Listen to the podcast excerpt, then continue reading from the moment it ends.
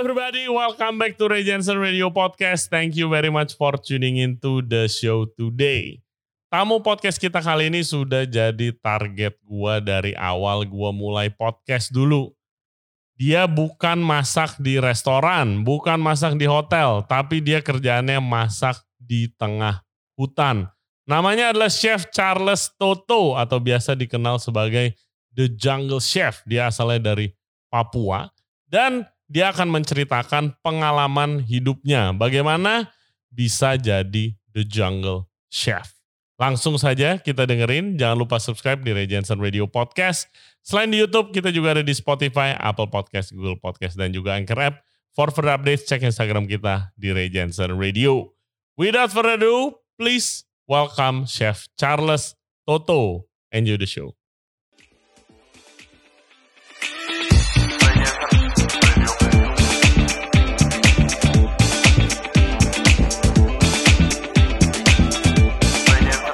Chef Toto? Kabar selalu baik. kabar selalu iya, baik. kabar selalu baik. Terima kasih banyak udah nyempetin ke sini jauh-jauh dari Papua lagi. iya, saya juga dengan senang hati bisa datang berbagi apa yang ada di Papua kepada teman-teman yang hadir di di podcast ini sih. Lagi lagi ada acara apa Chef ke Jakarta? Saya rencana kan tanggal 7 ada uh, satu event event di Belanda. Di Belanda. Nah, kebetulan event itu juga mereka merayakan HUT-nya yang ke-50 tahun. Oke. Terus mau apa? Masak di situ? Rencana masak sih, ada uh, mengerjakan beberapa produk-produk yang selama ini mereka saya bantu juga teman-teman Oke. ini salah satu NGO Mm-mm. yang kerja di Papua juga udah lama. Oke. itu yang mereka mengajak saya untuk uh, buat event masak tentang Papua lewat mungkin gastrodiplomasi atau diplomasi Oh, makanan. gastrodiplomasi Iya. juga ya. Iya, itu kita udah sering ngomongin di podcast betapa pentingnya apa food diplomasi. Kalau katanya Om Will, apa pun masalahnya kalau sambil makan mah bisa selesai ngobrol. Iya, saya saya lebih lebih berpikir ke sebelum melakukan aktivitas di atas muka bumi ini kita butuh makan dulu. Betul. Dan butuh setuju. makan butuh proses-proses yang yang panjang juga untuk menjadikan satu produk makanan di atas meja sih. Yes, ap- apalagi eh, Chef Toto kan dikenal sebagai jungle chef, sering masak di tengah hutan. Benar, benar. Yes, eh, kalian bisa cek video di YouTube keren-keren banget. Sebelum kita mulai Chef, gue mau tanya, kenapa lu selalu pakai jaket warna hijau itu? Iya, selalu ke mana-mana. Iya, ini menjadi simbol sih sebenarnya. Hmm. Nah, jaket ini juga punya cerita. Jadi saya juga sama teman bertiga kita waktu balik dari Medan, saya hampir 8 tahun di Medan sih. Mm-mm. Pulang ke ke Jakarta, bukan pulang sih, balik ke Jakarta. Eh, Sehingga ketemu teman di Bandung. hmm. Nah, teman di Bandung, nah, saya juga karena hobinya suka naik gunung Hmm. dan uh, ikut trekking dengan teman-teman, akhirnya saya lihat oh ternyata ini ada bajunya bagus punya teman. Eh, kok kasih sama saya sudah. Hmm. Walaupun dia bukan anak Papua, orang Sulawesi, tapi karena sudah lahir besar di Papua, jadi ah, bicara dengan ala Papua, kok, kok kasih saya baju itu sudah. Ah Hmm. ini bajunya Unisba, dia kan kuliah di Unisba. Hmm. Nah, sudah, saya bilangin di situ ada tulisan juru ledak ini mungkin ada. Juru kelas Nah, satu. iya. Dia tanya ini mau bikin apa? Saya mau pakai untuk eh, baju yang bisa ke mana-mana, trekking atau ke mana masuk hutan atau ke Hmm. pantai. Hmm. Mau pakai baju ini dan cocok. Dan ternyata lumayan lama dan saya pikir ini salah satu baju yang saya pakai hampir 20 tahun. 20 tahun? Iya, terus tetap masih warnanya tidak berubah-berubah sampai sekarang. Jadi saya juga lagi cari bahan yang mungkin ada yang cocok seperti ini lagi. 20 tahun Iya, ini Bang? udah 20 20 tahun. Buset, Nah. oke. Wah keren banget ya. Sekarang udah jadi eh, apa signature. Iya, benar. Oke, Chef Toto, mungkin dimulai dari ketertarikannya di dunia masak. Itu dari mana awalnya? Jadi saya ini sudah sebenarnya punya cerita yang yang beda sedikit dari teman-teman chef lain lah. Sudah pasti. Nah, ceritanya begini, pada saat waktu sekolah sebenarnya pingin jadi sarjana hukum. Hmm, Nah, awalnya mau jadi sarjana hukum, tapi ketika mendaftar salah satu SMA swasta di Jayapura, kami ditolak karena di belakang itu anak-anak yang dianggap yang paling bandel di di situlah. Jadi saya salah satunya yang kena imbas. Oke, Ya, oke. Disuruh keluar kalian nggak usah masuk di di sekolah ini. Hmm. Karena kalian masuk pasti jadi pengacau lah Ah. gitu. Waktu keluar saya mikir ini kalau nganggur satu tahun wah teman-teman saya sudah pada semua sudah naik kelas 2 saya masih masih baru mulai daftar. Hmm. Akhirnya masuklah ke sekolah SMK. Oke. Sekarang SMK ya. Iya. Dulu namanya SMKK. Hmm. SMKK dengan artian sekolah menengah kesejahteraan keluarga. Jadi semua cewek di situ. Jadi kami beberapa laki-laki aja yang masuk di situ dan ya sedikit-sedikit inilah. Oh, Yang sekarang jadi sekolah kejuruan kan? Iya, sekarang jadi ke sekolah kejuruan. Iya, iya, iya, iya. Terus di situ belajar apa? Tata boga. Nah, di situ mulai masuk ada beberapa jurusan tata boga yang paling jurusan yang tertua. Nah, terus ada uh, perhotelan, Hmm, uh, busana hmm. dan yang baru buka zaman kita masuk itu kecantikan. Oke. Nah, emangnya da- dari dulu udah apa tertarik masak? Udah bisa masak gitu? Tertarik sih tidak juga sebenarnya Oke. karena melihat mama. Hmm. Mama kan dulu sekolah di salah satu sekolah khusus perempuan di Papua namanya sekolah gadis. Mm-mm. Nah, sekolah gadis itu mengajarkan perempuan menjadi perempuan yang sebenarnya. Ketika dia nanti berumah tangga, dia akan mengurus keluarganya baik uh, suami dan anak-anak.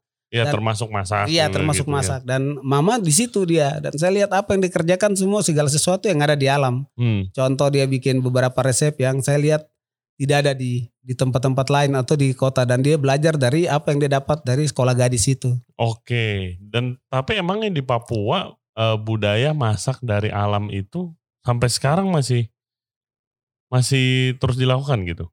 Budaya memasak di alam sebenarnya juga sebenarnya sudah mulai terkikis sih. Hmm. Sudah mulai terkikis dan sangat banyak terkikis karena perkembangan zaman selain perkembangan zaman juga menurut saya ini degradasi pola makan dengan banyak masuk makanan-makanan dari luar mempengaruhi pola konsumsi orang Papua akhirnya juga berimbas pada pola masak Iya. dan uh, orang sudah mulai berkurang dalam mengelola resep-resep lokal dan itu juga berpengaruh dengan masuknya resep-resep baru Hmm. dengan bumbu-bumbu yang baru mempengaruhi pola makan orang Papua akhirnya terciptalah ada beberapa resep-resep seperti ikan kuah kuning Iya. dan ya ini menurut saya itu bukan bagian dari resep orang Papua. Ikan kuah kuning. Iya, biasa Iya. kan saya tahu kan papeda, Iya.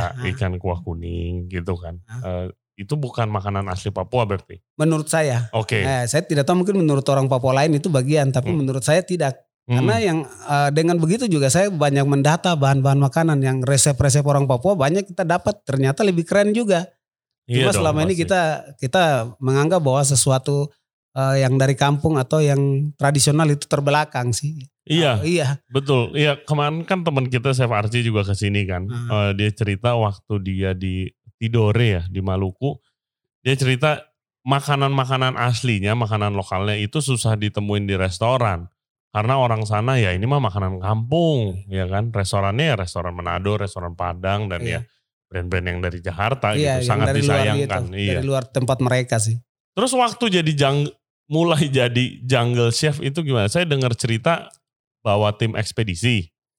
Iya, eh, awalnya kerja di salah satu hotel Heeh. eh, tahun 96 itu hotel paling mewah lah di Jayapura. Oke. Salah satu eh, hotel lewat eh, apa grup Hmm, grup di Jakarta bikin hotel besar kerjasama dengan Merpati. Oke. Waktu itu masih pesawat Merpati masih lancar lah. Hmm. Jadi mereka bikin ah, sebuah hotel bintang 4 di Hmm. Jayapura di Sentani. Mm-mm. Ah, mereka bikin butuh karyawan banyak. Oke. Kebetulan kami saya lulusnya tahun 96 itu, Hmm. lulus SMA-nya, SMK-nya. Hmm. Nah, sudah kami rame-rame masuk di hotel itu. Sebagai apa kerja awal? Ya sebagai kerja juga lumayan di tempat yang lahan basah sih. Mm-mm. Ya, jadi dishwasher. Dishwasher lah Mbak. Iya. Mantap. Oke. Terus terus. Nah setelah kerja sekitar 4 sampai 5 bulan. Saya lihat banyak turis asing datang, naruh tas numpuk-numpuk di situ. Hmm. Terus mulai tanya-tanya sama teman-teman yang guide yang antar gitu. Ini makannya apa di hutan ini orang-orang ini? Ah. Ini orang-orang ini makannya apa? Si bule-bule ini. Dengan tujuan apa mereka ke hutan? Nah itu, itu itu yang membuat saya tertarik untuk mempelajari apa yang mereka ke hutan sebenarnya. Eh, ngapain sih? Iya, Gitu. iya. Nah, Oke oke. Nah dari situ tanya teman-teman ternyata ah, ini sesuatu yang menarik dan ini menjadi tantangan. Hmm. Kita memasak saya juga karena sudah punya dasar sekolah di SMKK Tata Boga, Hmm. jadi paham paham tentang itu. Hmm. Jadi Hmm. kami juga ada sedikit saya kembali ke belakang. Saya ada cerita lucu sedikit di sekolah. Jadi kami juga dulu dipanggil sebagai karena laki-laki ya sedikit dari semua perempuan. Jadi satu kelas perempuan sekitar 53, Aha. laki-laki bisa empat orang begitu. Ya satu satu kelas lah. Nah, jadi kami di di kategori sebagai bencong lah, entah Oke. apa-apa ya. Terus eh, kadang dipanggil nasi hangus. Nah, Ah, karena jurusan kita boga jadi Oke. Nah, Iya. jadi itu itu itu stigma-stigma yang kami dapat dan Hmm. menurut saya ini tantangan untuk saya bisa Hmm. bisa jauh berubah daripada apa yang kalian pikirkan. hmm. Melihat tamu-tamu asing yang banyak, saya mulai tertarik tanya ini kerjanya di hutan masaknya apa dan apa mereka melakukan itu membawa bahan makanan yang segar. Hmm. Karena saya sekolah pasti mengolah sesuatu yang segar dan apa yang Betul. dapat di, di dekat kita. Ini kita melakukan perjalanan trekking berhari-hari. Hmm. Bahan makanannya apa? Baru mereka jelaskan, oh kita di sini kalau ke hutan terpaksa kita harus pakai kalengan. Iya Bawa pasti kaleng. biasanya Iya. kalau camping kan bawa Nah, makanan kaleng kan. Iya, Heeh. mereka bawa jenis-jenis tuna. Jadi saya Hmm. juga belajar akhirnya makanan-makanan Indonesia yang sudah kalengan seperti rendang, Mm-mm. eh, eh, beberapa produk-produk lo- lokal Indonesia yang sudah bisa kita presentasi untuk tamu-tamu ketika melakukan trip-trip atau perjalanan ke pedalaman-pedalaman Papua. Mm-mm. Mm-mm. Itu Nah. berapa lama? Mulainya gimana? Mulai ketemu mereka, setelah ketemu mereka mulai ada kepikiran untuk keluar dari hotel. Ah. Tapi keluar juga sedikit-sedikit bikin sesuatu yang ada agak kurang enak di teman-teman di hotel. Iya. Saya ngambil minuman di toko itu terus keluar mabuk-mabuk di depan hotel. Setelah itu sudah keluar-keluar aja begitu. Kalau mau dipecat orang saya sudah berhenti. Jadi itu sih akhirnya mulai terpikir untuk Nyari masalah Iya, biar masalah, dikeluarin. iya dikeluarin. akhirnya jadilah keluar. Oke. Ah, setelah itu nganggur lah ada sekitar tujuh bulan. Mm-mm. Tiba-tiba datang satu bapak yang sekarang sampai bos saya walaupun saya udah jadi jungle chef tapi masih saya tetap akui dia sebagai orang yang membawa saya sebagai jungle chef ini. Hmm. Oke chef, gimana? Lanjut ceritanya. Ini ada orang satu yang membawa chef menjadi jungle chef. Nah, jadi waktu itu mereka datang ke sekolah, Heeh. ke sekolah yang sekolah saya sekolah itu mereka nyari butuh tukang masak yang kerja di hutan. Oke. Nah, terus kata guru-guru ini ada satu murid kita ini pernah bermasalah di satu eh, di hotel di Jayapura begini-begini. Jadi bisa nanti coba kita cek karena ya orang itu sedikit beda dengan teman-teman yang lain. Kalau fokus di hotel ho- itu lebih bagus. Ini kerjanya kacau. Heeh. Jadi sudah sudah tidak apa-apa saya ketemu aja. Akhirnya dibawalah satu tour leader dari eh, Amerika lewat satu travel namanya Wilderness Travel di California Hmm. bawalah dia. Jadi datang dikasih tahu sama guru-guru bahwa ini ada PT namanya PT Beneti Hmm. Adi Wisata. Nah, Oke. dibilangnya sama saya, jadi saya bingung. Ini saya hubungkan dengan ini merek merek sesuatu Benetton atau apa saya pikir wah ini saya kerja di sini jadi masak di Oke. tempat mereka. Oh. Tahu-tahu sampai di sana diceritalah bapak ini. Wah, kamu nanti bisa masak. Iya, saya bisa masak sesuai dengan apa yang saya dapat di sekolah. Tapi Hmm. ini beda ini. Kita kita masuk ke hutan dan kita butuh satu harus selain mengelola apa yang sudah jadi, kita butuh fisik. Fisik harus kuat untuk jalan kaki Iya, dari satu tempat ke dong. tempat lain. Gile. Dan akhirnya saya bilang, ah saya coba saja bapak. Saya bilang, oh, ya, akhirnya dibawalah si bule ini. Jadi saya pikir, ah ini pasti kerja di perusahaan ini, Hmm. perusahaan apa ban mobil atau apalah yang yang Iya perusahaan yang. Iya, internasional iya. lah. Heeh. Sehingga saya juga akan dapat gaji yang besar. Heeh. Tahu-tahu masuknya di hutan. di antara bapak itu pertama kali mereka ngirim tamu satu keluarga dari Swedia. Hmm. Datang mereka tripnya panjang. Ini baru pertama kali kerja dan gak tahu mau kerja apa. Hmm. Masak, masak tidak tahu apa yang mau dimasak. Baru teman-teman di situ melarain. Nanti belanjanya begini, begini, begini ke ke toko. Setelah itu nanti dipersiapkan. Kaulah menyusun hari pertama apa-apa sampai kedua. Saya juga mulai bingung ini. Oh Kita kan- bikin program Iya, dong bikin ya program. programnya mas makannya apa nih Iya, orang nih ya. Kita bikin daftar menu hari, hari pertama makannya ini. Hmm. Nanti dia akan keluar di hari keberapa begitu. Hmm. Ya, saya juga sedikit repot tapi karena sudah sudah bilang kepingin mau kerja akhirnya ikut aja. Hmm. Itu pertama kali tur saya panjang. Mulai dari Wamena kita tur di Lembah Baliem. Jalan kaki empat hari keliling pulau yang sekarang jadi eh, kabupaten-kabupaten baru di Wamena di Lembah Baliem. Empat hari Empat, iya, empat jalan hari kaki. kaki ya. Gila. Setelah kita trip di hutan dari Wamena ke Wolo, Wolo Iluga, Iluga Kombakma. Sekarang sudah jadi kabupaten-kabupaten. Wow. Dari situ masuk ke kota Wamena. Situ kita kembali ke Biak. Hmm. Terbang dari Wamena dari jadi saya baru mulai paham ternyata trip mereka harus dari hutan dulu baru ke pantai.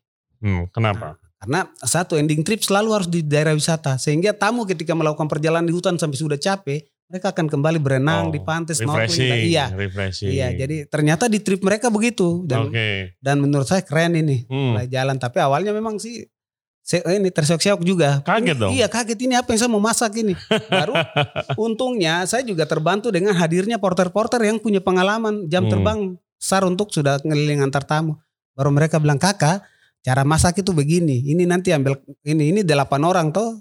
Tapi tamu kali ini kan cuma lima orang. Hmm. Itu satu keluarga jadi nanti kakak bawa ikan tuna sekian, nanti ditambah dengan crab atau kepiting sekian baru masak bikin dua menu.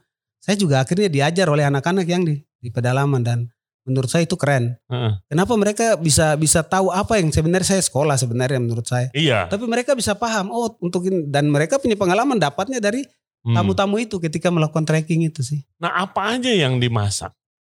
Ah, yang tadi saya bilang seperti ikan tuna. Jadi itu yang kita kelola. Hmm. Nah, kelola untuk dimasak dan sayur kan juga kita beli yang tahan lama seperti buncis, wortel dan yang lain-lain. Hmm. Itu belum kepikiran untuk menggarap yang lokal Hmm. sebenarnya. Ya orang belum ngerti. Iya, orang belum gitu dan saya Ah. juga berpatokan Pak apa yang saya dapat di sekolah itu sih. Dari dari situ terus mulai eh, tertarik menggarap yang lokal yang ada di hutan itu sendiri itu dari kapan? Itu mulai tahun 99, Hmm. 99, 98, 99 karena trip yang itu 98 itu yang menurut saya trip yang yang konyol karena saya juga belum tahu apa-apa terus tiba-tiba kerja di pekerjaan ini sebagai Ah. tukang masak yang masuk di hutan. Iya. Nah, akhirnya dan yang saya pikir itu anak-anak ini kok saya belajar sama mereka. Mereka jalan satu hari full uh, tiba hanya makan umbi-umbian, besok mereka sudah prepare lagi untuk Hmm. pagi ke sana. Jadi kakak-kakak nanti bangun masak ini kita bantu. Hmm. Nanti menyusun makanan-makanan untuk pagi. Minimal harus ada roti, bikin pancake dan lain-lain katanya. Oh iya sudah. Akhirnya saya juga ikut belajar, Hmm. ikut belajar dan dari situlah memacu saya untuk oh saya ini sekolahnya sekolah tata boga loh masa saya kalah sama mereka. Artinya terpikir untuk oh menggali apa yang ada di lingkungan itu, Hmm. menggarap bahan baku yang ada di situ menjadi menu makan. Saya coba dorong. Awalnya sih tamu-tamu kurang begitu tertarik dengan makanan yang berbau Papua apalagi ya. Iya. Yang Indonesia saja, lah. iya, yang Indonesia saja mereka juga masih Hmm. masih segan untuk makan apalagi yang Papua. Hmm, hmm, Nah itu yang ter, terpa- terpancing untuk saya bisa bekerja untuk melakukan men- mendata sedikit bahan-bahan yang ada di lokal itu. Nah, waktu pendataan bahan-bahan kan Papua even sampai sekarang pun itu masih kayak apa ya? Belum di terlalu diekspos lah, khususnya makanannya gitu Iya. kan. Nah, chef gimana caranya waktu nyoba-nyobain makanan? Oh, ini di hutan, oh ini bisa dimakan, oh ini enggak. Ah itu saya mulai kembali belajar lagi ke ma- masyarakat tradisional itu. Hmm. Oh, ketika masuk di satu desa atau melakukan trip di situ, apa kamu makan apa di sini? Ini apa yang bisa dong toh makan? Hmm.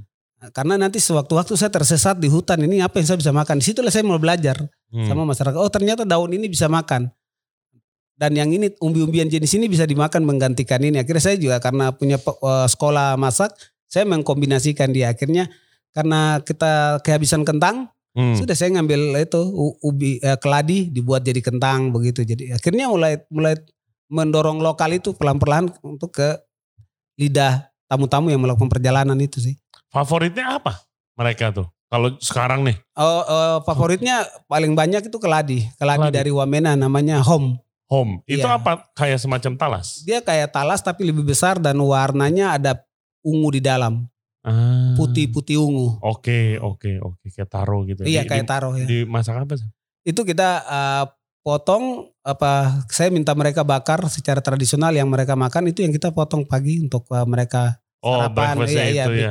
ditambah mantap. dengan yang yang lain jadi karbonnya dari itu sih. Hmm, mantap. Di Papua tuh makan nasi gak sih?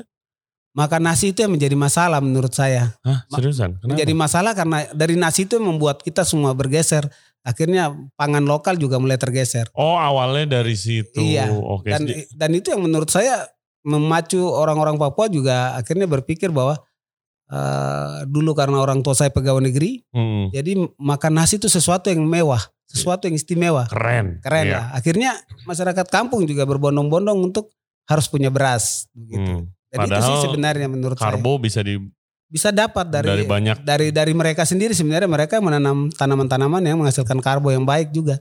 Cuma Iya. karena pemahaman-pemahaman yang dulu belum belum seperti sekarang. Hmm, hmm. Ya itu makanya Chef sering ngomong tentang kedaulatan pangan gitu kan. Setuju ya. Yes, oke sebelum itu nih eh, Chef Cato guys bawa eh, bahan-bahan keren nih mungkin yang dengerin kita di Spotify kalau bisa cek YouTube channel kita habis ini buat lihat apa visualnya. Ini ada apa aja Chef? Pertama Iya. dari sini dulu nih. Oh dari sebelah sini ada kayu Kayu, kayu lowele. iya itu kayu yang dipakai oleh masyarakat suku Moi. Hmm. Mereka biasa pakai sebagai teh pengganti teh ketika mereka di hutan.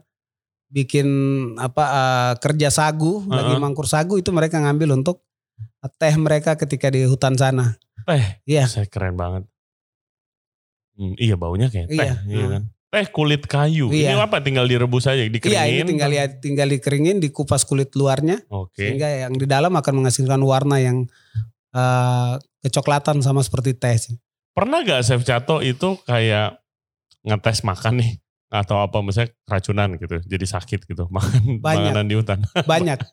Kalau cerita itu sangat banyak saya punya pengalaman dengan jamur-jamuran yang ini Eh. yang notabene banyak juga yang Hmm. warnanya cantik tapi ternyata itu juga mengandung racun Heeh, heeh. dan itu juga saya belajar sama masyarakat tradisional kakak kalau kau kena racun ini kau minum air banyak di kali akhirnya mengikuti informasi-informasi mereka kalau kau di pantai banyak minum air kelapa jadi Oh ada ada itunya lah, Ada, ada, iya, ada. penawarnya Iya, gitu kan ada. kalau salah makan ya. iya Oh. itu itu yang membuat saya belajar beberapa tanaman-tanaman akhirnya tahu dan daun mengorek apa yang mereka punya apa yang mereka tahu di hutan itu Hmm. Nah ini ketemunya awalnya gimana nih? Ini sangat menarik. Gisik-kisik pohon bawang. Iya, untuk pohon bawang sendiri ini kan eh, waktu melakukan mapping di wilayah Sorong, Mm-mm. Sorong atau kita bilang Sorong Raya ya. Baru Hmm. ketemu dengan suku ini, suku Moi. Suku Moy. Nah, Oke. m- mereka pakai sebagai aromatik ketika memasak. Hmm. Bakar eh, mereka masaknya pakai kulit kayu. Oke. Nah, jadi kulit bawang ini dimasuk kulit kayu ini dimasukkan ke dalam sebagai aromatik untuk makanan yang mereka masak baik ikan, daging babi dan dan sayur-sayuran yang ada Hmm. di hutan sagu itu. Supaya lebih apa? Iya aromanya muncul. Oke. Nah, aroma aroma bawang dan yang lain. Iya. Ya, Dan saya pikir mereka masyarakat tradisional tapi sudah mulai memahami itu Hmm. dari dari nenek moyang mereka. Iya.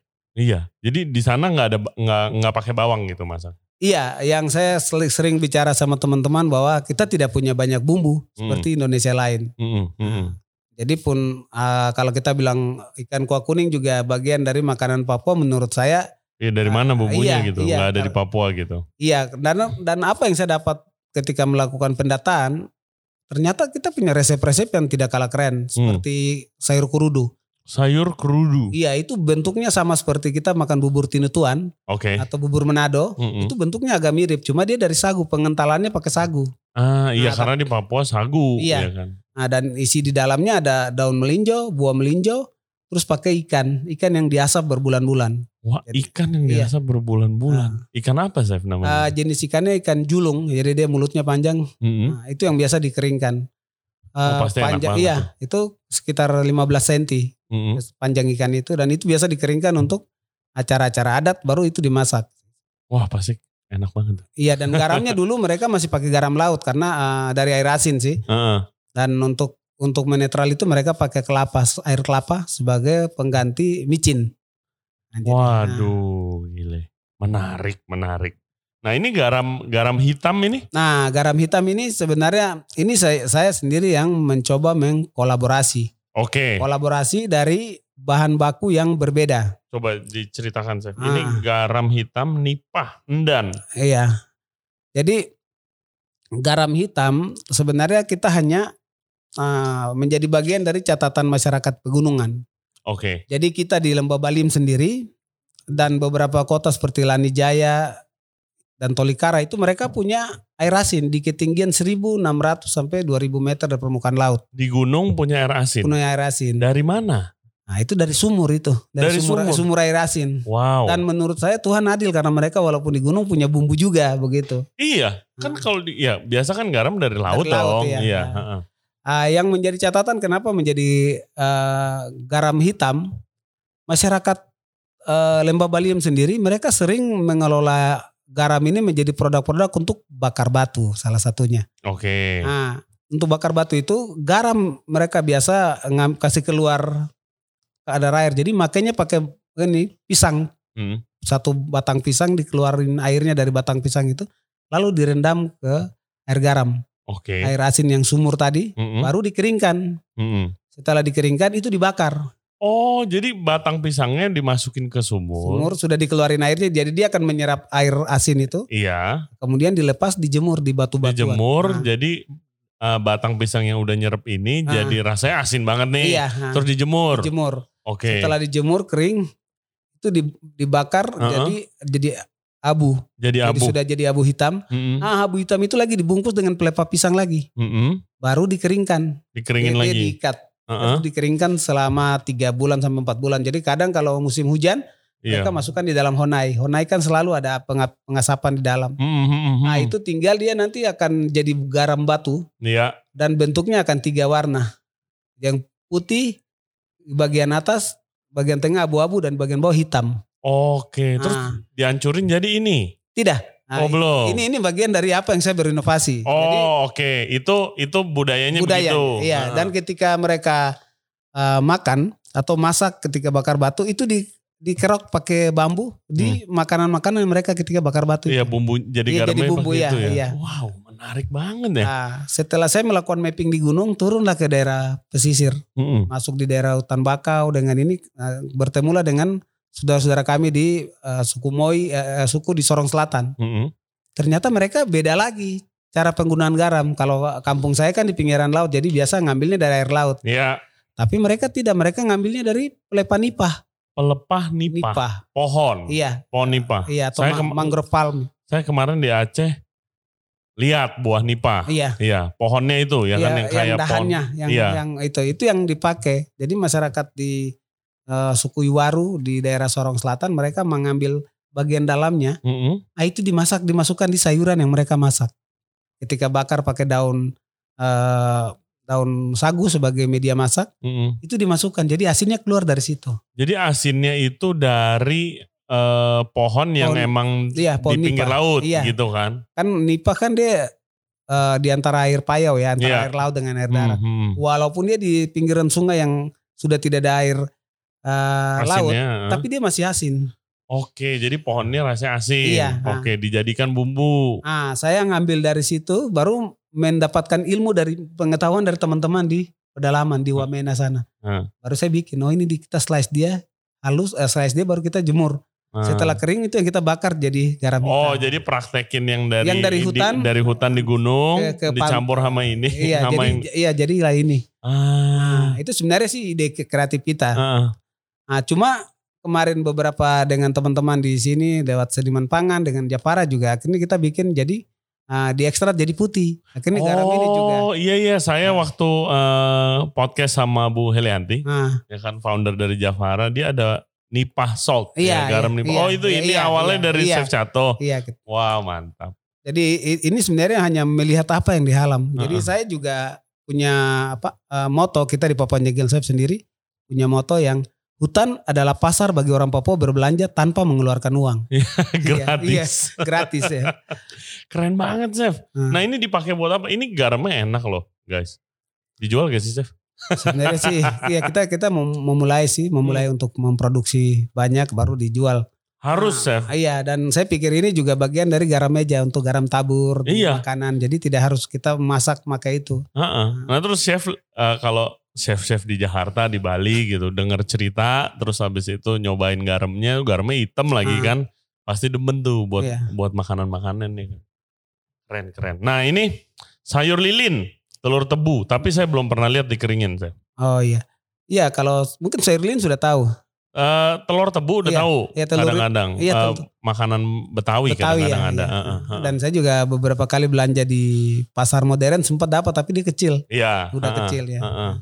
Iya memang ini menjadi catatan untuk kita sebenarnya Indonesia kaya akan keragaman keanekaragaman hayati termasuk makanan di dalam dan dan rugi juga kalau negara ini tidak memperhatikan hutan sebagai sumber pangan. betul Hanya memikirkan membangun pertanian dengan satu metode menanam bahwa oh kalau kita nanam padi, padi aja atau jagung, jagung aja akhirnya hutannya jadi rusak.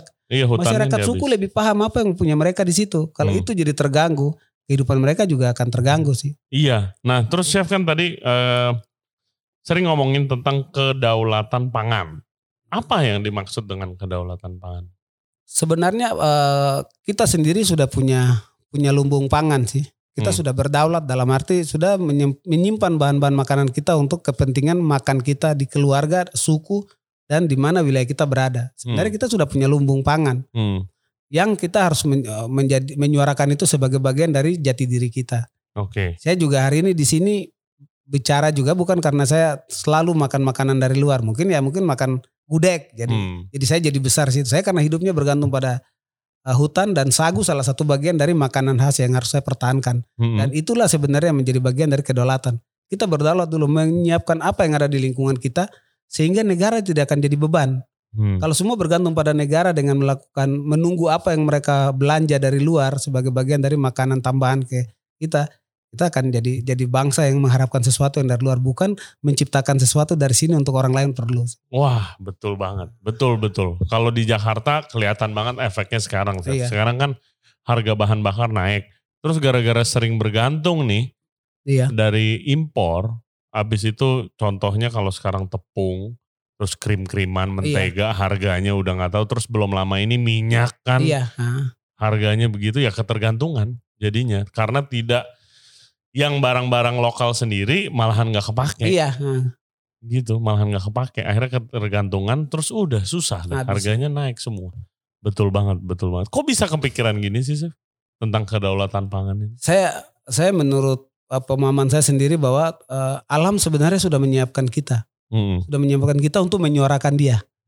Bahwa dia menyimpan semua yang kalian butuhkan. Ya. Toh kalian masih melupakan dia dengan cara ya membangun sistem pertanian yang berbeda-beda dengan pikiran kita karena kita bersekolah dengan ilmu pengetahuan yang lebih tinggi akhirnya kita me- menganggap bahwa Tuhan tidak ada di sana, kita yang lebih menguasai itu.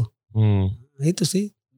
setuju waduh hebat hebat Chef di eh, dengan misi Chef dengan apa eh, komunitas Jungle Chef apa yang Chef lakukan nih apakah terus kita ngiter gitu food mapping terus apa orang bisa ke sana untuk belajar bagaimana Iya, eh, kami juga di tahun ini baru buka namanya Sekolah Pekarangan. Oke, sekolah Nah, pekarangan. sekolah Pekarangan. Jadi Sekolah Pekarangan itu mengelola apa yang di Pekarangan menjadi eh, produk-produk eh, contoh seperti Hmm. eh, telur tebu tadi Sekolahnya di mana? di? Jayapura. Di Jayapura. Nah, di Jayapura dan eh, kami coba mengelola bahwa ternyata apa yang ada di sekeliling kita bisa menjadi sumber pendapatan ekonomi, juga bisa menjadi sumber makanan sebagai bagian dari lumbung pangan kita. Hmm.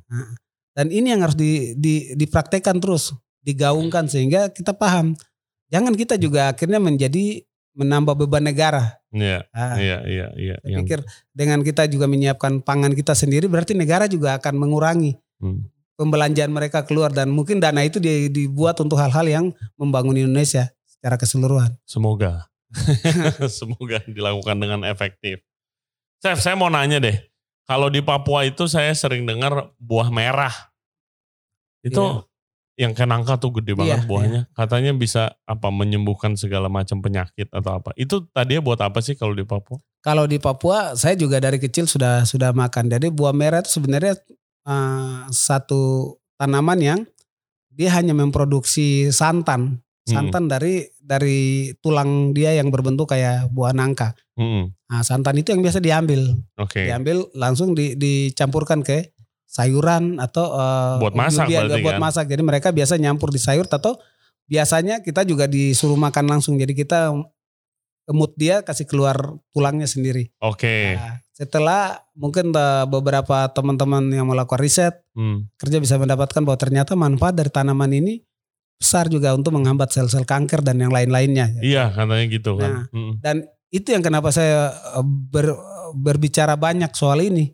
Karena itu kan tanaman yang dari hutan sebenarnya. Iya. Kalau itu dipunahkan berarti kehidupan kita sebenarnya kita sudah mengurangi kehidupan kita yang sebenarnya sakit penyakit yang lain. Iya, itu udah ada Udah obatnya ada tuh iya, ya. iya. Hmm. Secara tradisional kita sudah punya. Toh itu udah harus disingkirkan dengan masuknya pangan baru karena kita orang Papua sendiri juga tidak punya budaya bertani. Kita hanya masih bertani sistemnya nomaden. Kita menanam di sini tiga bulan, panen hasilnya kita pindah lagi ke sini. Yang ini udah tumbuh dan humusnya baik, mereka kembali lagi ke situ. Oke. Dan tidak akan bisa masuk mem- membongkar hutan untuk kepentingan besar. Hmm. Pasti eh, durasi ruang kerja dia saja 5 sampai 100 meter di situ Hmm. dan tidak akan merusak hutan besar dan itu yang harus kita pelajari. Iya. Saya pikir teman-teman juga mungkin ya di yang sekolah pertanian dan apa itu yang mempelajari sebagai bagian dari role model orang di Papua bertani. Hmm. Bukan kita membawa dari luar ke ke sana sehingga akhirnya merubah pola pikir orang Papua yang notabene tidak biasa bekerja hanya bisa mengambil dari alam. Akhirnya ketika program itu masuk mereka ya tinggalkan aja dengan mendapatkan sesuatu yang dikasih. Iya betul. Nah. S- eh, lumayan apa ya menyedihkan sih Iya, kalau dengernya sih. Iya. Iya. Gimana eh, apa yang bisa kita lakukan supaya hal-hal seperti ini tuh terus apa ya terus berkembang gitu loh. Saya saya lebih lebih cenderung mencondongkan diri saya sebagai bagian dari hal yang sebenarnya punya nilai besar Hmm. sama teman-teman di Papua, khususnya generasi milenial bahkan juga mungkin sama orang-orang tua kita di sana. Hmm. Kalian harus mulai jaga makanan kalian. Saya bilang sama mereka bahwa saya adalah bagian dari contoh itu. Mm-mm. Ketika teman-teman di luar butuh cerita, saya akan bawa cerita Papua ke sana. Iya. Oh, orang Papua makan ini, ini, ini, dan mereka hidup di sana berdasarkan apa yang ada di alam. Dan dari pekerjaan saya ini juga saya bisa ke mana-mana. Nanti rencana ke Belanda, ada Iya. beberapa negara waktu ke Slow Food sama Ibu Heli dan teman-teman lain ke Itali dan itu hanya bicara makanan. Hmm. Makanan itu saya bukan cerita makanannya orang Betawi di sana. Iya. Saya bukan bawa makanan orang Jogja di sana, tapi saya bawa makanan Papua. Dan itu yang menjadi kebanggaan sebenarnya. Ya itulah betapa pentingnya guys. Itu apa? Explore makanan lokal sendiri deh. Hmm. Dan Indonesia kan gede banget. Seth. Iya. Iya kan bukan cuma Papua doang. Kemarin saya ke Aceh ikut Aceh Culinary Festival. Wah, saya nggak pernah lihat, saya nggak Iya. pernah dengar eh, bahan-bahan makanannya dan Iya. enak-enak semuanya. Luar biasa. Saya ngiter-ngiter ke daerah lain juga di Indonesia kadang-kadang. Di Indonesia dulu ngiter-ngiter kacau itu di daerah Tanah Karo, daerah Aranggaul sampai ke Tenggara sana dari Kota Cane itu itu saja sih. Oke. Ngiter-ngiter yang lain. Maksudnya apa ngiter-ngiter yang lain? Dalam arti sekalian juga mempelajari apa yang punya mereka di Hmm. sana. Itu pun belum konsen betul ke, Hmm. ke Papua. Mm-mm. Jadi sambil waktu ke tahun 99 2000 ada insiden di Papua, Hmm. akhirnya saya pindah dengan bos saya ini ke Medan. Oh, oke. Pindah ke Medan. waktu- Jadi ya kami juga akhirnya berpikir untuk coba kita membangun sebuah destinasi di sana seperti di Papua tapi di di Medan. Akhirnya kita melakukan uh, perjalanan-perjalanan panjang yang menurut saya juga cukup ngeri. Hmm. Kita dari dari Kutang Belin di Tanah Karo jalan kaki lewat Laubiang sampai tembus di Marike di daerah Binjai sana. Untuk Jalan-jalan aja di pinggir Loser. di pinggir Gunung Loser itu. ngapain nyari apa di sana? Ya sekalian buat trekking seandainya itu menjadi destinasi baru. Oke, Karena oh nyari Papua, potensi. Oke. Karena oke. Papua di masa-masa itu kan masa transisi Hmm, di hmm, tahun 2000 eh, 9998 99 2000 hmm, itu banyak orang mulai bergeser dari Papua keluar. hmm. Ada insiden-insiden di sana jadi Iya. jadi kita juga untuk bisa bertahan hidup ya kita bikin semacam program ke Mentawai Hmm. ke mana-mana dengan bos ngiter ke sana-sana untuk nyari tahu bahwa oh ini bisa kita jual jadi paket tour. Oke, Sehingga kita masih jadi bisa potensi bertahan. Iya. tourism. Nah. Yes, yes. Sekarang tuh Papua gimana sih, Chef? Karena kan ada persepsi dan stigma nih. Ya kan kalau dari timur dan bukan timur aja banyak banget daerah-daerah Iya. Indonesia punya stigma dan persepsi eh, masing-masing. Jadi kalau orang mau ke sana jalan-jalan tuh jadi takut. Heeh. Gitu kan. Contoh, kalau saya kemarin saya ke Aceh. Gitu ke Aceh. Eh, kan di sana kan punya budaya muslim yang sangat kental. yang sangat kental gitu kan. Terus abis itu di sana orang-orang seperti saya yang Indonesia keturunan eh, Chinese dikit Nah, gitu kan. Terus abis itu dari keluarga dan teman-teman juga, wah lo hati-hati lo ke Aceh lo gitu kan. Eh, hati-hati di sana jangan macam-macam gitu. Oke, terus habis itu saya ke sana dengan persepsi itu dong. Iya. Begitu saya ke sana nggak ada apa-apa, Iya. Nggak ada yang diskriminasi, nggak ada yang kayak saya lewat diliatin gitu, nggak ada. Semuanya welcome, Iya. makanannya enak-enak, orangnya ramah-ramah. Saya 12 hari di sana dari di kota besar sampai kampung. Saya kebetulan stay di kampung yang tadinya itu markas besar Regam. Nah, Tadinya, sekarang jadi kampung itu jadi kayak industri kopi semuanya keren banget kopi Gayo. Di sana saya merasa di welcome, saya merasa ya udah biasa ya. kayak jalan-jalan aja, pantainya bagus banget, eh, pemandangannya gila-gila, deh, ya udah biasa aja Iya. gitu. Persepsi itu nggak ada gitu kan. Nah kalau di Papua sendiri kan ada persepsi itu juga, ya kan. Tapi di sana sebenarnya biasa-biasa aja juga. Sebenarnya eh, peran media ini yang paling Nah iya paling iya. mempengaruhi. Iya, bukan betul. bukan kita menyalahkan teman-teman di media visual ya, Hmm, tapi ini yang membuat stigma negatif terhadap masyarakat Papua sendiri hmm, dan teman-teman di luar Papua. hmm, Nah, salah satunya ya mungkin dengan adanya eh, teman-teman KKB dan segala macam, terus Hmm. eh, yang lain juga isu malaria juga men- penyakit malaria menjadi isu utama di sana. Jadi kalian ke sana nanti kena malaria kalau udah tropika nanti kayak orang gila begitu. Iya, iya. Itu yang menjadi uh, pesan-pesan negatif yang ada di luar uh, Papua Hmm. dan itu yang menjadi contoh orang orang-orang di luar Papua untuk tidak mau berkunjung ke sana. Iya, jadi nggak mau gitu. Iya, padahal kita di sana ya biasa. Mm. Ada teman-teman yang tinggal malah lahir besar tinggal di sana dan pulang mereka rindu kembali lagi ke Papua Iya, ke sekolah di loh. sini. Iya. Banyak loh. Nah, dan ini yang harus mulai kita rubah sebenarnya. Mm-mm. Kita mulai rubah dengan apa yang ada di kita, mari kita sama-sama mendorong. Hmm. Ka- kalau misalnya eh, teman-teman kita jalan ke Papua nih buat apa tourism jalan-jalan gitu, bisa ngapain aja di sana, Chef Cato? Ah, kalau untuk tempat kita sendiri yang Heeh. sekarang kita lagi bangun itu bisa kita belajar bagaimana mengambil apa yang ada di alam dikelola secara tradisional di, tempat kita. Jadi eh, tempat kita juga saya pikir tidak seperti semewah gedung-gedung Mm-mm. karena konsep kita ya mengelola apa yang ada di hutan Ya harus asli Iya. dong, harus original. dan dan itu yang dilakukan oleh masyarakat kita. Masyarakat eh, yang punya dusun, yang punya kebun Hmm. di hutan itu yang kita lakukan sehingga orang akan datang belajar oh ternyata orang Papua begini ya cara bertaninya cara memangkur sagunya Hmm. mendapatkan stok makanan dari apa yang ada di alam dan makanan itu juga bisa disimpan dalam eh, dalam dua versi ada yang basah dan ada yang kering Hmm. nah, salah satu contoh sagu sagu satu tanaman yang bisa di- disimpan di dua dua cara dengan disimpan direndam dalam air sama dikeringkan Oke, iya. Saya eh, sering juga dengar Chef eh, Cato itu sagu itu sangat penting. Gitu Iya. kan. Eh, eh, sagu di awal tadi saya bilang seperti moto kita hutan adalah pasar bagi orang Papua berbelanja tanpa mengeluarkan uang. Nah di sini saya menilai bahwa sagu satu tanaman yang punya nilai berbeda dari tanaman-tanaman lain. Mm-mm. Nah, karena dia tanaman yang berdiri kokoh. Saya juga menganggap bahwa itu tanamannya para dewa. Hmm. Karena nah, dia menghasilkan apa yang dibutuhkan manusia ini. Sandan, pangan, papan, dan yang keempat ekosistem. Hmm. Oke, dijabarkan satu-satu kalau begitu. Nah, kalau untuk ke Sandan sendiri, masyarakat di beberapa wilayah di Papua mulai wilayah selatan dari Merauke, Bovendigul, Asmat dan sekitarnya, mereka memakai daun sagu sebagai bagian dari pakaian. Oke, Nah, terus andan tuh ya Iya. dari pakaian. ya dari dan papan Mm-mm. dari daun sagu itu juga bisa jadi atap rumah. Gabah dia itu atau dahan dia itu bisa menjadi dinding, dinding daripada rumah. Oke. Sedangkan kulit sagunya sih bisa jadi lantai.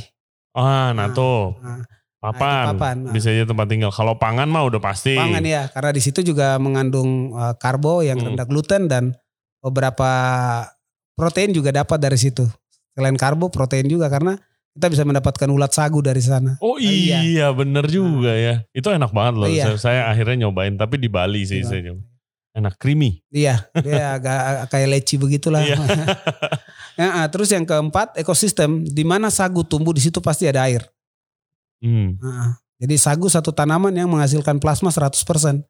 Oke, apa tuh chef? Nah. saya otak saya belum nyampe kalau Iya. ngomong plasma. Apa? Plasma kan ah, bibit yang harus ditanam untuk kebentuan pertanian-pertanian besar. Jadi Oke. kita harus menanam bibit banyak untuk meru- membongkar hutan baru, lalu itu ditanam di situ. Hmm, Jelas kita merusak hutan. ya. Nah, tapi sagu tidak. Kita nanam satu di situ dia akan menghasilkan 10 yang sama seperti itu. Dan dia akan panennya berurutan. Ketika yang ini kita panen makannya satu tahun akan muncul satu lagi. Nah, nanti ketika itu kita panen buang akan muncul yang lain-lain tapi dia akan berurutan sampai di mana kita masih bisa menjaga dia Wow. sebaik mungkin. Dan dia selalu menyuplai air di situ untuk ikan juga hidup, manusia juga dapat air dari dia, Hmm. tanaman-tanaman juga akan memenuhi kebutuhan mereka mendapatkan air dari tanaman sagu itu sendiri. Wah luar biasa. Itu kenapa sagu itu sangat penting. Gitu. Iya, dan saya beberapa waktu lalu ada diskusi dengan Ibu Heli dengan teman-teman yang berbicara tentang Borobudur dan Hmm. situ banyak relief, Oh iya, dan iya, relief ternyata Borobudur. iya sa- sagu juga bagian dari tanaman Nusantara dan saya juga perlu eh, tidak perlu berbicara banyak hal itu masing-masing lah kita mengelola apa yang menjadi catatan kita, apa yang menjadi budaya makan kita, apa yang menjadi tanaman-tanaman endemik kita. Hmm. Itu sih yang perlu kita jaga. Luar biasa Chef Cato. Saya pengen deh ke sana mungkin suatu hari Siap. eh, bisa bawa tim ke sana kita masak bareng. Ya, masak Chef Cato apa? Bakar batu. Iya, pernah pernah 2021 kemarin sama Sleng sih ke sana kita Oh masak. iya, Kakak waktu itu sama Sleng ya iya. keren banget Nah, buset. Mereka Saya bilang mereka kalian nyanyi lagu tentang lembah Balim kan belum pernah bakar batu. Mari kita bakar batu. Mereka Mari. enjoy banget Chef. Iya, Chef. eh, Daniel Mananta juga datang makan Hmm. bulat sagu. Saya makan bulat sagu karena lihat Bimbi makan jadi pingin juga makan. Gitu. Nah itu aman-aman aja tuh Iya, artis-artis iya. terkenal kita ke sana nggak ada apa-apa kan. Iya, Jangan terlalu kemakan Iya, persepsi iya. negatif ya kan. Sebenarnya baik sih informasi di visual, Hmm, tapi perlu juga memberikan informasi-informasi positif sehingga betul. semua orang juga bisa ke sana. Harus balance. Iya, Di setiap daerah itu pasti ada positif ada negatifnya. setuju. Gitu kan. Ya kalau ke Jakarta ya mungkin modern tapi Iya. napasnya berat. Iya. ya. Saya juga malah pingin cepat balik lagi. Cuma kan ada kegiatan ya akhirnya nah, nah. Gimana? Terima kasih banyak ya Chef Toto udah mampir ke sini. Saya tahu Chef Toto sibuk, siap. ya kan. Eh, semoga ceritanya Chef eh, Chef Cato bisa menginspirasi pendengar kita. Semoga sukses terus Amin, amin. untuk proyek-proyeknya dan doain kita guys supaya tim podcast kita nih bisa ke sana lah. Ya Kita kami masak tunggu, bareng-bareng. kami tunggu. Yes. Dan akan ada banyak tempat-tempat yang tidak pernah kalian dapat bisa dapat di sana. sudah pasti, sudah pasti. Sukses terus Chef Cato. Amin. untuk semua proyeknya. Dan guys, thank you very much buat yang udah nonton dan yang udah dengerin podcast kita kali ini sama Chef Cato.